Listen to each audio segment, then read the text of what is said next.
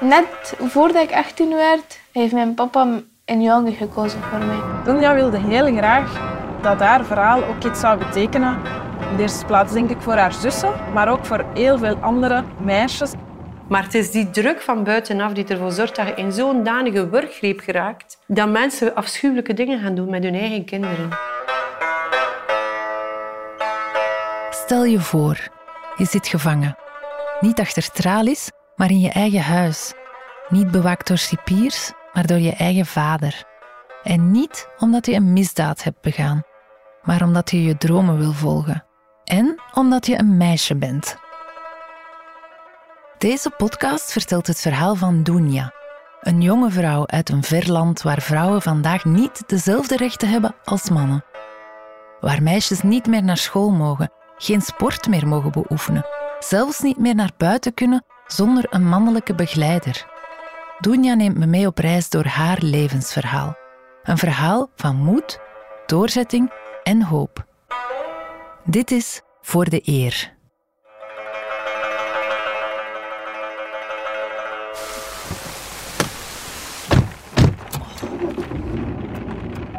We kennen elkaar al lang, hè? Dit is Eva, een van mijn beste vriendinnen. We kennen elkaar al 30 jaar. Kei lang. Al heel lang. Ja, oh mijn god. Ik zit samen met Eva in haar kleine fort op een van de regenachtigste dagen van het jaar. Op weg naar iemand heel bijzonder volgens Eva.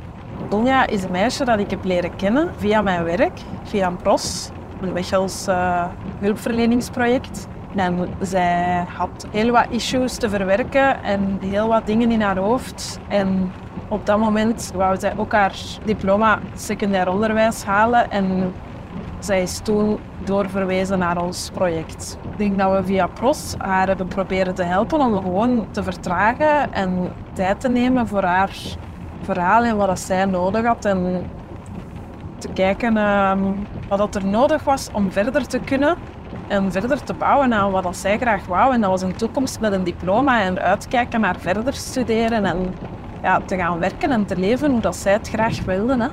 Je diploma halen, verder studeren, eigen leven uitbouwen. Voor velen onder ons is dit allemaal normaal. Maar later die dag zal ik horen dat dat voor Dunja helemaal niet zo evident is. Op een bepaald moment wordt het zelfs levensgevaarlijk. Het verhaal van Dunja is zo speciaal en zo bijzonder omdat dat zo'n krachtige jonge vrouw is. En eigenlijk heeft hij heel veel ambities, had hij heel veel dromen, maar had hij ook met heel veel dingen dat ze nog moest afrekenen van het verleden en heel veel kwetsures.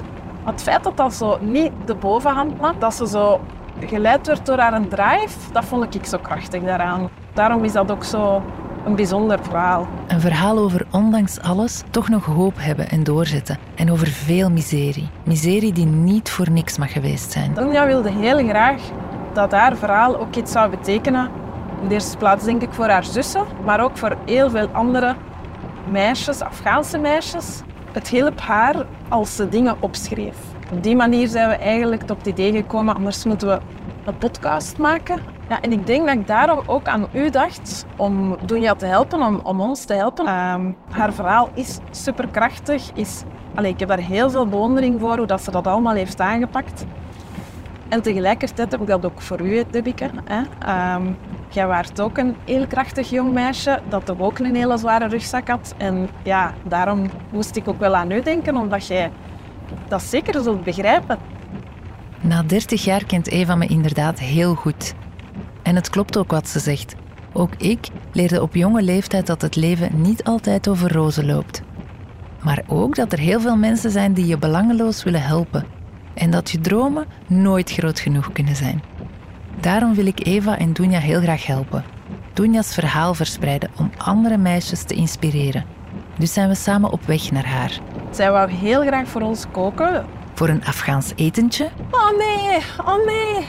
Oh nee, ik ben mijn dessert vergeten. Oh shit. En voor een straflevensverhaal. Welkom bij Voor de Eer, aflevering 1. Kofta en lijfstraffen. Oh, pas op, hè. Ja. Na een tussenstop bij de lokale bakker voor een nieuw dessert komen we aan bij de plek waar Dunja woont. Yes. Hallo. Later in het gesprek zal ik ontdekken waarom ik niet kan zeggen waar deze plek ligt. en hoe ze eruit ziet. We nemen de trap naar de hoogste verdieping tot we aan Dunja's appartementje komen. Het is er gezellig. De kachel brandt, het ruikt er fantastisch naar Oosterse kruiden. En de calathea die ik meebracht zal mooi staan tussen de tientallen andere planten. Aan de muur hangen heel wat foto's van deze mooie jonge vrouw, met glanzend zwart haar en een glimlach die de kamer doet oplichten. Terwijl ik mijn materiaal test, Test, test. sluit Dunja het videogesprek af dat ze met haar mama deed. Later zal ik horen dat die telefoon bewust gericht staat naar een witte muur, om zo weinig mogelijk prijs te geven over waar ze woont. Ik ga toch nog iets klaar hebben gemaakt. Spinazie, dat is Afghaanse sla, tomaten, ajuin, komkommer en koriander. Dat is een van mijn lievelings. Dat is rijst met speciale boontjes. Mars palau, kofta. En dat is kabuli palau, dat is ook rijst met vlees in. En subiet moet ik eh, decoreren met dat wortel en rozijntjes. Normaal maken wij die ook pikant. En gelijk die sla ook pikant. Maar nu heb ik daar niks van pikant gedaan, hier ook niet. En ik heb zo'n speciale soort saus ook gemaakt. En dat is ook met koriander, yoghurt en zo. En dat moet ook pikant zijn. Die gaat een beetje pikant zijn. Ik heb thuis moeten altijd koken. Ik herinner me van mijn acht jaar of zoiets. Dat ik moest altijd meehelpen met koken. Dus ik heb altijd gezien.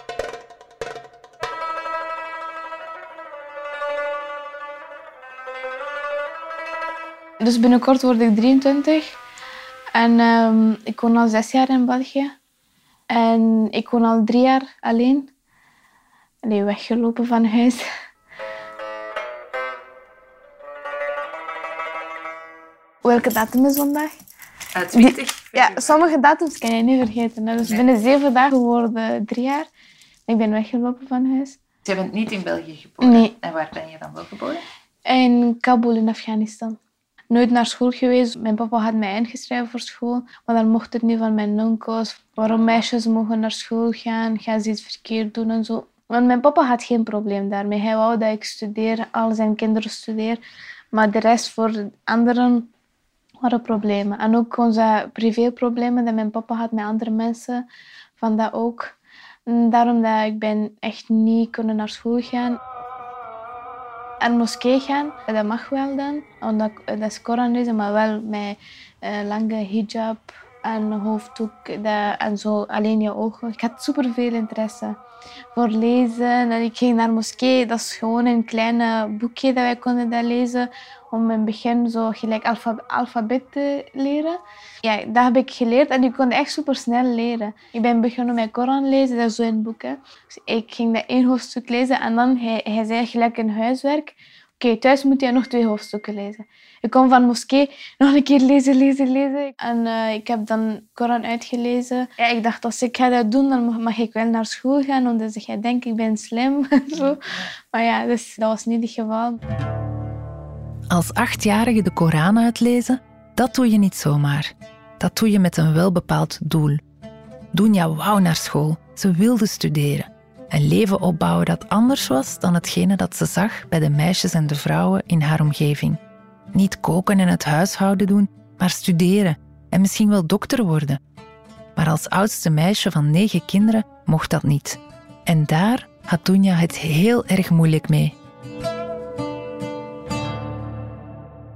Ik heb echt geen kindertijd gehad.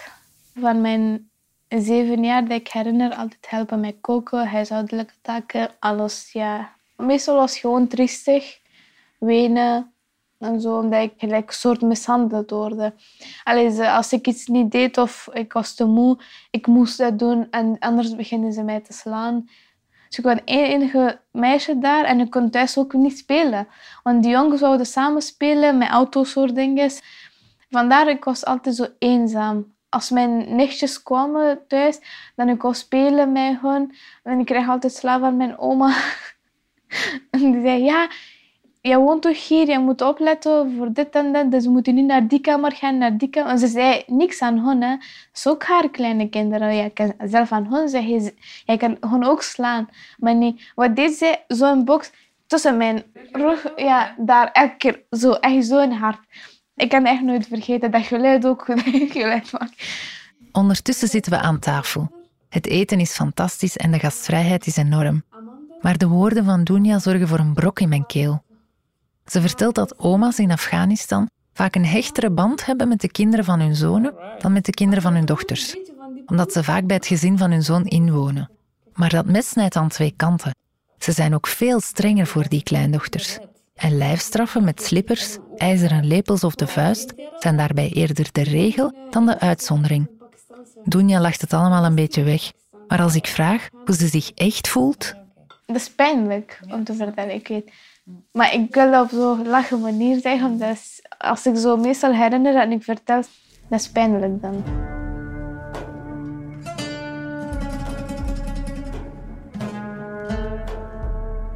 Voordat ik geboren was, mijn mama was nog zwanger en mijn oudste tante, zus van mijn papa, was ook zwanger. Eerst is dat jongen geboren, was een handicapjongen. Mijn tante was aan het wenen. Wie gaat trouwen met mijn zoon? Wie gaat zorgen voor mijn zoon? Ik ga toch niet altijd erbij zijn. En mijn papa was emotioneel en heeft eh, mijn papa gezegd: Als dat een meisje is, dan is het voor jouw zoon. Dan was ik een meisje. Dus was ik geboren. Mijn papa had dat daarna niet meer serieus genomen. Hè. Maar bij ons, als, als iets voor verlof of trouwen gaat, ja, als ene keer heb dat gezegd, gelijk bij ons zeggen ze, als jij iets schrijft op steen, hè, ga niet weg. Gans de familie, iedereen wist dat dat meisje is van dat jongen en ze gaan later trouwen, ze zijn nu verloofd. Voor Dunja's tante was het heel duidelijk. Dunja wordt de vrouw van mijn zoon. En zij zal de rest van haar leven voor hem zorgen.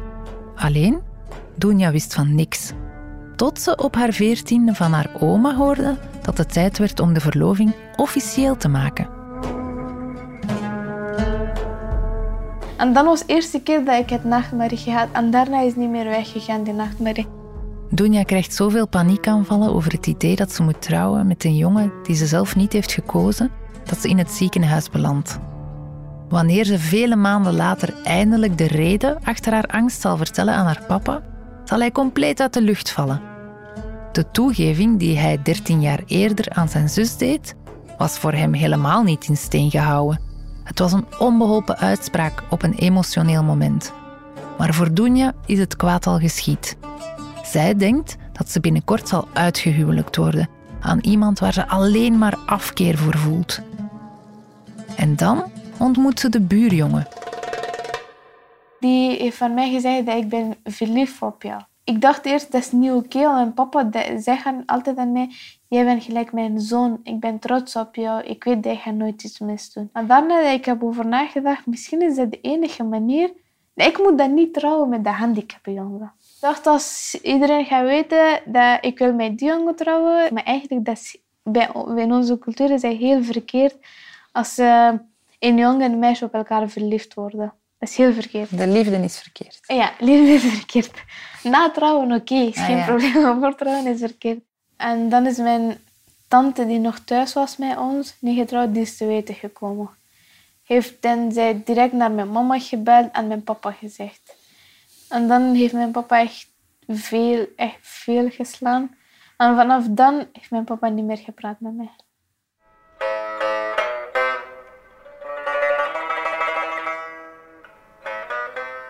Hij was verliefd op mij en ik dacht, ah ja, als die, zijn familie, gelijk dat nu, de, mijn tante komt mijn hand vragen, als ze gaat dat ook doen, mijn papa gaat zeggen, ah ja, dat is een beter jongen, ik ga dat kiezen. ja. Ik ga gewoon weg.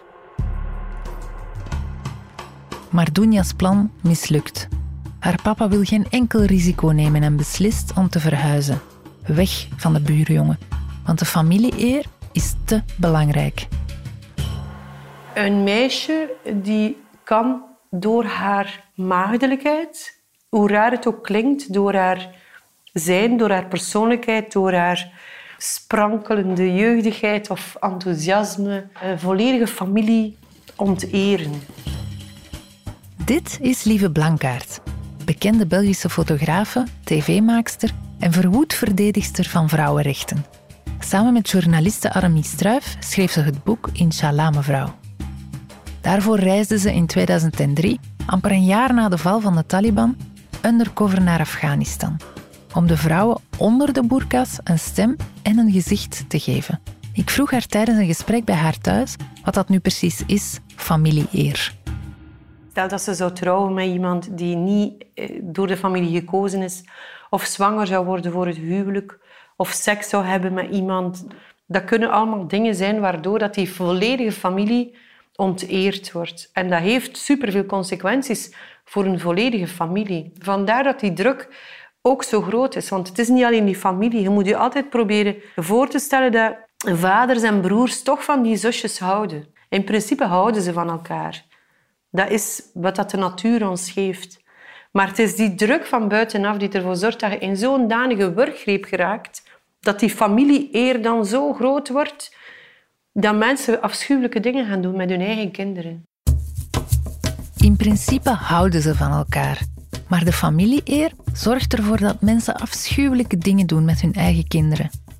Dunja probeerde haar eigen lot in handen te nemen door zelf op zoek te gaan naar een geschikte huwelijkspartner. Maar zo heeft ze de eer van haar papa beschadigd. Ook al kwam de man pas veel later te weten dat zijn zus zijn belofte bij de geboorte van haar zoon niet vergeten was.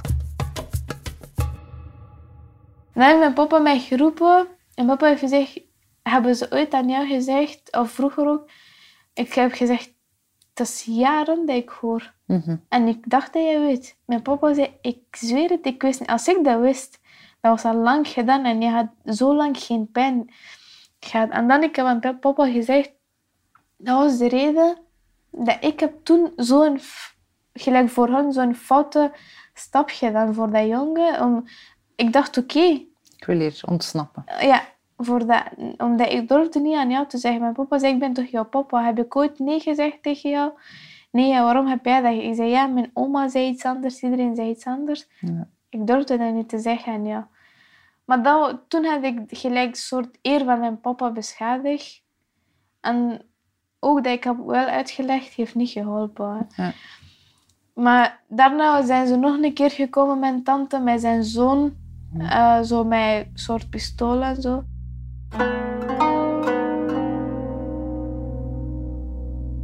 Ja, ik herinner mij dat wij daar een bezoek gebracht hebben in de vrouwengevangenis. Ik kan mij nu niet exact het cijfer herinneren, maar zo goed als iedereen zat daar omwille van die eerbaarheid. Ik herinner mij één verhaal van een meisje die 16 of zo was en die ook moest trouwen met iemand en die dat geweigerd heeft, weggelopen is en daardoor in de gevangenis zat. In de gevangenis belanden omdat je je verzet tegen je uithuwelijking. Zo had het Dunja ook kunnen vergaan. Tot ze op haar zestiende, een geluk bij een ongeluk, met haar gezin als vluchteling in België terechtkwam. Wat de reden was dat ze Afghanistan moesten verlaten, heeft Dunja me niet verteld. Ze noemde het de privéproblemen van mijn papa. Maar die privéproblemen waren dus ernstig genoeg om hun familie, vaderland en hele leven achter te laten. Toen ze op een koude winterdag in Zaventem van het vliegtuig stapte, dacht Dunja dat haar toekomst nu eindelijk echt kon beginnen.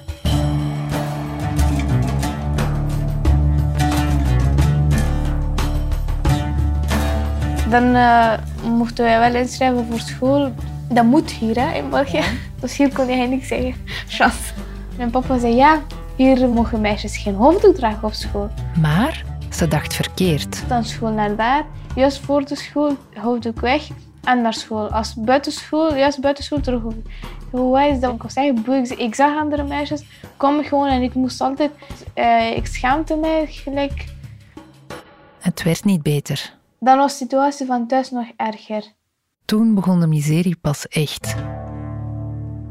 Net voordat ik 18 werd, heeft mijn papa een jongen gekozen voor mij om te trouwen. Die jij niet kent. Die ik niet kende. Nooit gezien, nooit gehoord, niks. Ik was al verloofd. Tot op het punt dat Dunja begon te vrezen voor haar eigen leven. Ik kan in één avond veel dingen gebeuren. Hè? Daarom was ik zoveel bang. Heeft mij veel geslaan en echt niet normaal. Dus daarom dacht ik, dat kan hij ook doen. Voor de eer kan hij alles doen.